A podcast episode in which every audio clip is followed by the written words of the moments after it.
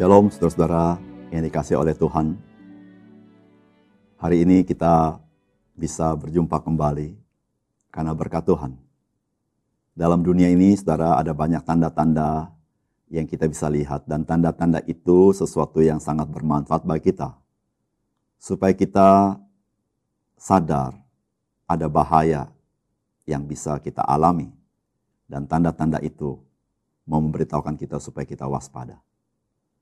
Salam jumpa dalam program Tuhan adalah Gembalaku.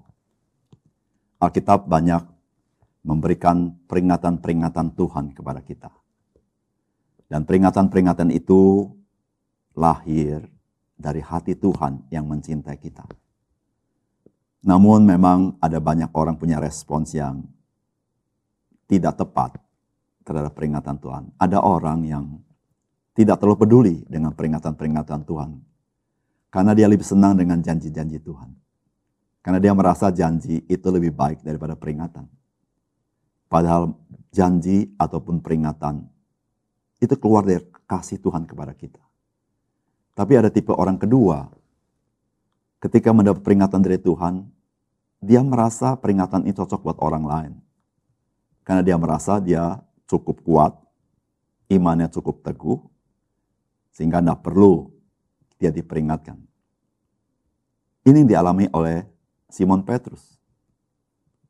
Dia merasa dia cukup kuat, dia tidak bisa menyangkal Tuhan, dia akan bersama-sama Tuhan. Dan Tuhan Yesus memperingatkan bahwa dia akan menyangkal Tuhan Yesus. Saudara-saudara, ini akan kita renungkan dari firman Tuhan hari ini. Di dalam Injil Matius pasal 26 ayat 69 sampai 75. Sementara itu Petrus duduk di luar di halaman, maka datanglah seorang hamba perempuan kepadanya, katanya, Engkau juga selalu bersama-sama dengan Yesus orang Galilea itu. Tetapi ia menyangkalnya di depan semua orang katanya, Aku tidak tahu apa yang kau maksud. Ketika ia pergi ke pintu gerbang, seorang hamba lain melihat dia dan berkata kepada orang-orang yang ada di situ, Orang ini bersama-sama dengan Yesus orang Nazaret itu. Dan ia menyangkalnya pula dengan bersumpah, Aku tidak kenal orang itu. Tidak lama kemudian, orang-orang yang ada di situ datang kepada Petrus dan berkata, Pasti engkau juga salah seorang dari mereka itu nyata dari bahasamu. Maka mulailah Petrus mengutuk dan bersumpah, aku tidak kenal orang itu. Dan pada saat itu berkokoklah ayam. Maka teringatlah Petrus akan apa yang dikatakan Yesus kepadanya. Sebelum ayam berkokok, engkau telah menyangkal aku tiga kali. Lalu ia pergi keluar dan menangis dengan sedihnya. Saudara bagian firman Tuhan ini adalah kelanjutan dari apa yang dicatat di dalam Matius pasal 26 ayat 58 di mana Petrus mengikuti Yesus dari jauh sampai ke halaman imam besar dan setelah masuk ke dalamnya ia duduk di antara pengawal-pengawal untuk melihat kesudahan perkara itu. Jika saudara membaca Injil Yohanes, maka sebenarnya Petrus diajak oleh Yohanes untuk melihat bagaimana perkara yang terjadi dengan Yesus Kristus. Apa yang terjadi dengan Petrus adalah sesuatu yang di luar prediksi Petrus. Petrus merasa aman berada di halaman, jauh daripada pembesar-pembesar, jauh daripada orang-orang berkuasa, tapi dia bisa menyaksikan dari jauh bagaimana perkara yang sedang terjadi dengan Yesus Kristus. Saudara dalam hidup kita ada banyak peristiwa yang di luar prediksi kita. Kita pikir kita aman, tapi ternyata tidak demikian. Saudara apa yang dapat kita pelajari dari peristiwa yang terjadi dengan Simon Petrus ini? Saudara yang pertama, firman Tuhan mengingatkan kepada kita. Seringkali ketakutan di dalam kita dapat lebih besar daripada ancaman yang sebenarnya. Saudara, bukankah itu yang terjadi pada Simon Petrus?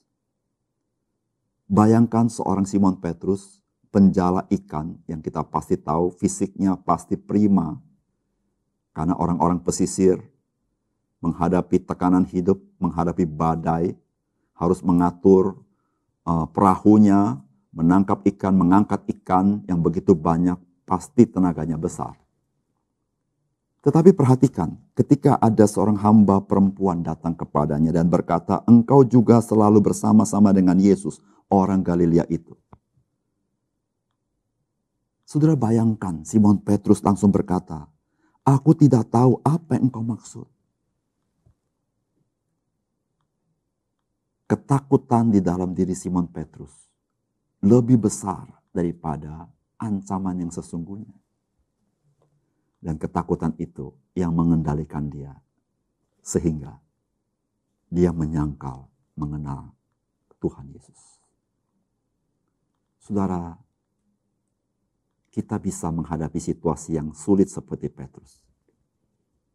Kita pikir kita aman. Tapi di dalam diri kita ada ketakutan begitu besar.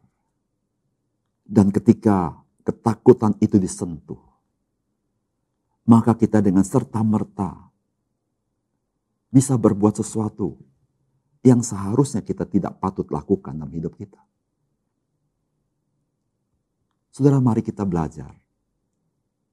Percaya kepada Tuhan. Saudara, kita berkata, ketika aku takut, aku ini percaya kepadamu. Itulah yang ditulis oleh Mazmur. Saudara-saudara, ketakutan hanya bisa diatasi oleh percaya kepada Tuhan. Betapa ruginya kita ketika kita begitu ketakutan, padahal tidak ada yang mengancam hidup kita. Bahkan Tuhan, Dia membela hidup kita. Tetapi karena ketakutan itu, kita telah kehilangan sesuatu yang berharga dalam hidup kita. Simon Petrus kehilangan sesuatu yang berharga, yaitu kepercayaannya kepada Tuhan yaitu pengenalannya kepada Tuhan. Yang selama ini dia ikuti, yang selama ini dia saksikan, keajaiban Tuhan, berkat Tuhan, pertolongan Tuhan. Bahkan dia mengalami mertuanya disembuhkan oleh Tuhan. Saudara-saudara yang kasih dalam Tuhan, ketika ketakutan itu datang, mari percaya kepada Tuhan. Dan ketakutan itu akan hilang. Yang kedua, Saudara bagian firman Tuhan ini memberitahukan kepada kita bahwa nasihat perkataan Tuhan adalah baik bagi kita. Agar kita waspada. Saudara bagian akhir dikatakan, mengutip perkataan Tuhan Yesus. Mengingatkan bahwa Yesus pernah mengingatkan Petrus. Sebelum ayam berkokok, engkau telah menyangkal aku tiga kali. Saudara peringatan Tuhan Yesus adalah supaya Simon Petrus waspada.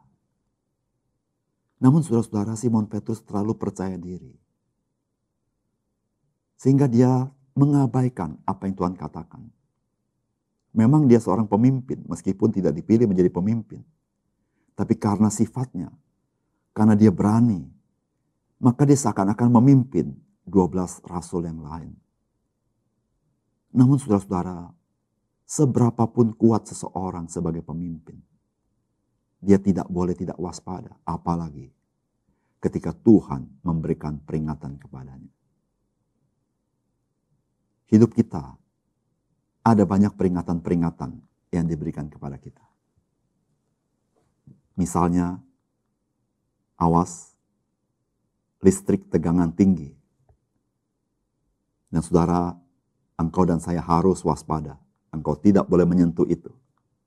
Jika engkau menyentuh itu, engkau binasa.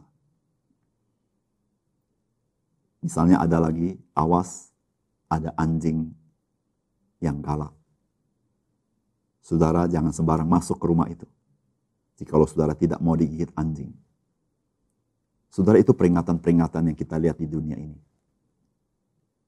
Saudara ketika Tuhan kasih peringatan kepada kita. Bukankah kita perlu mewaspadai baik-baik peringatan Tuhan itu? Supaya kita tidak binasa. Supaya kita tidak celaka. Supaya kita tidak kehilangan hal-hal yang berharga dalam hidup kita. Saudara ada banyak peringatan Tuhan dalam firman Tuhan. Dan salah satu peringatan Tuhan adalah Hidup ini adalah kesempatan bagi kita. Hidup ini adalah kasih karunia Tuhan kepada kita. Dan ketika kesempatan itu lewat, saudara engkau akan menyesal. Yaitu kasih karunia Tuhan, keselamatan Tuhan, pengampunan Tuhan di dalam Yesus Kristus. Biarlah kita menjadi orang bijaksana. Selalu memperhatikan peringatan-peringatan Tuhan kepada kita. Yang ketiga, firman Tuhan hari ini memberitahukan kepada kita bahwa orang percaya berdiri teguh di atas dasar anugerah Tuhan, bukan di atas dasar kekuatan dan kebenaran kita sendiri. Simon Petrus adalah seorang yang percaya diri, seorang yang berani, tentu karena dia seorang penjala ikan. Dia sering menghadapi badai, dan pastilah dia seorang yang tidak gentar. Jikalau dia gentar, dia tidak akan menjala ikan. Namun Simon Petrus belajar satu hal. Bahwa dia tidak bisa mengandalkan pengalamannya. Mengandalkan kekuatannya. Dan mengandalkan kebenarannya. Akhirnya dia menyangkal Tuhan tiga kali sebelum ayam berkokok. Namun saudara-saudara, Simon Petrus inilah yang hari Pentakosta berkhotbah di depan banyak orang dan 3000 orang bertobat. Saudara dari manakah dia punya keyakinan yang kokoh untuk berkhotbah? Padahal dia pernah menyangkal Tuhan tiga kali.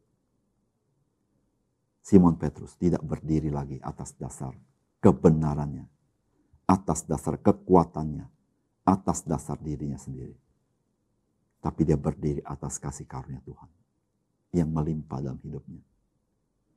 Saudara yang kasih dalam Tuhan, ketika engkau hidup berdasarkan kebenaranmu, hidup berdasarkan kekuatanmu, hidup berdasarkan apa yang menjadi kelebihan, engkau akan putus asa.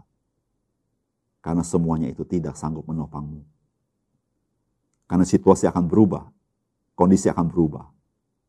Dan engkau tahu engkau tidak berdaya. Kecuali engkau tahu ada kasih karunia dalam hidupmu.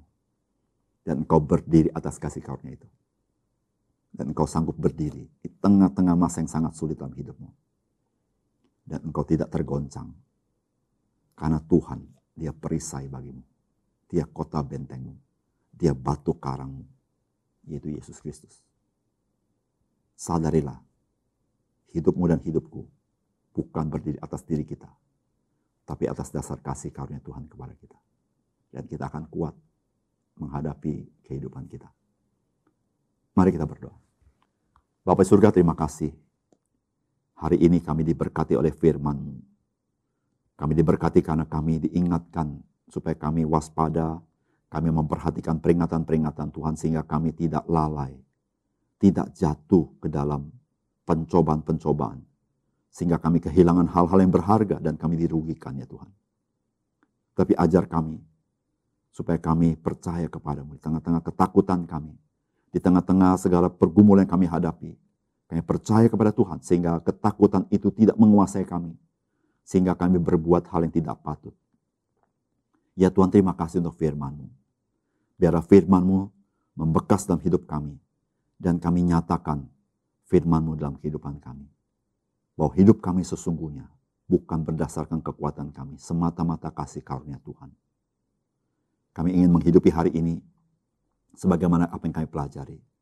Kami selalu ingat ada kasih karunia di tengah-tengah apa pun yang kami hadapi. Sehingga kami boleh teguh dan bersuka cita dalam Tuhan.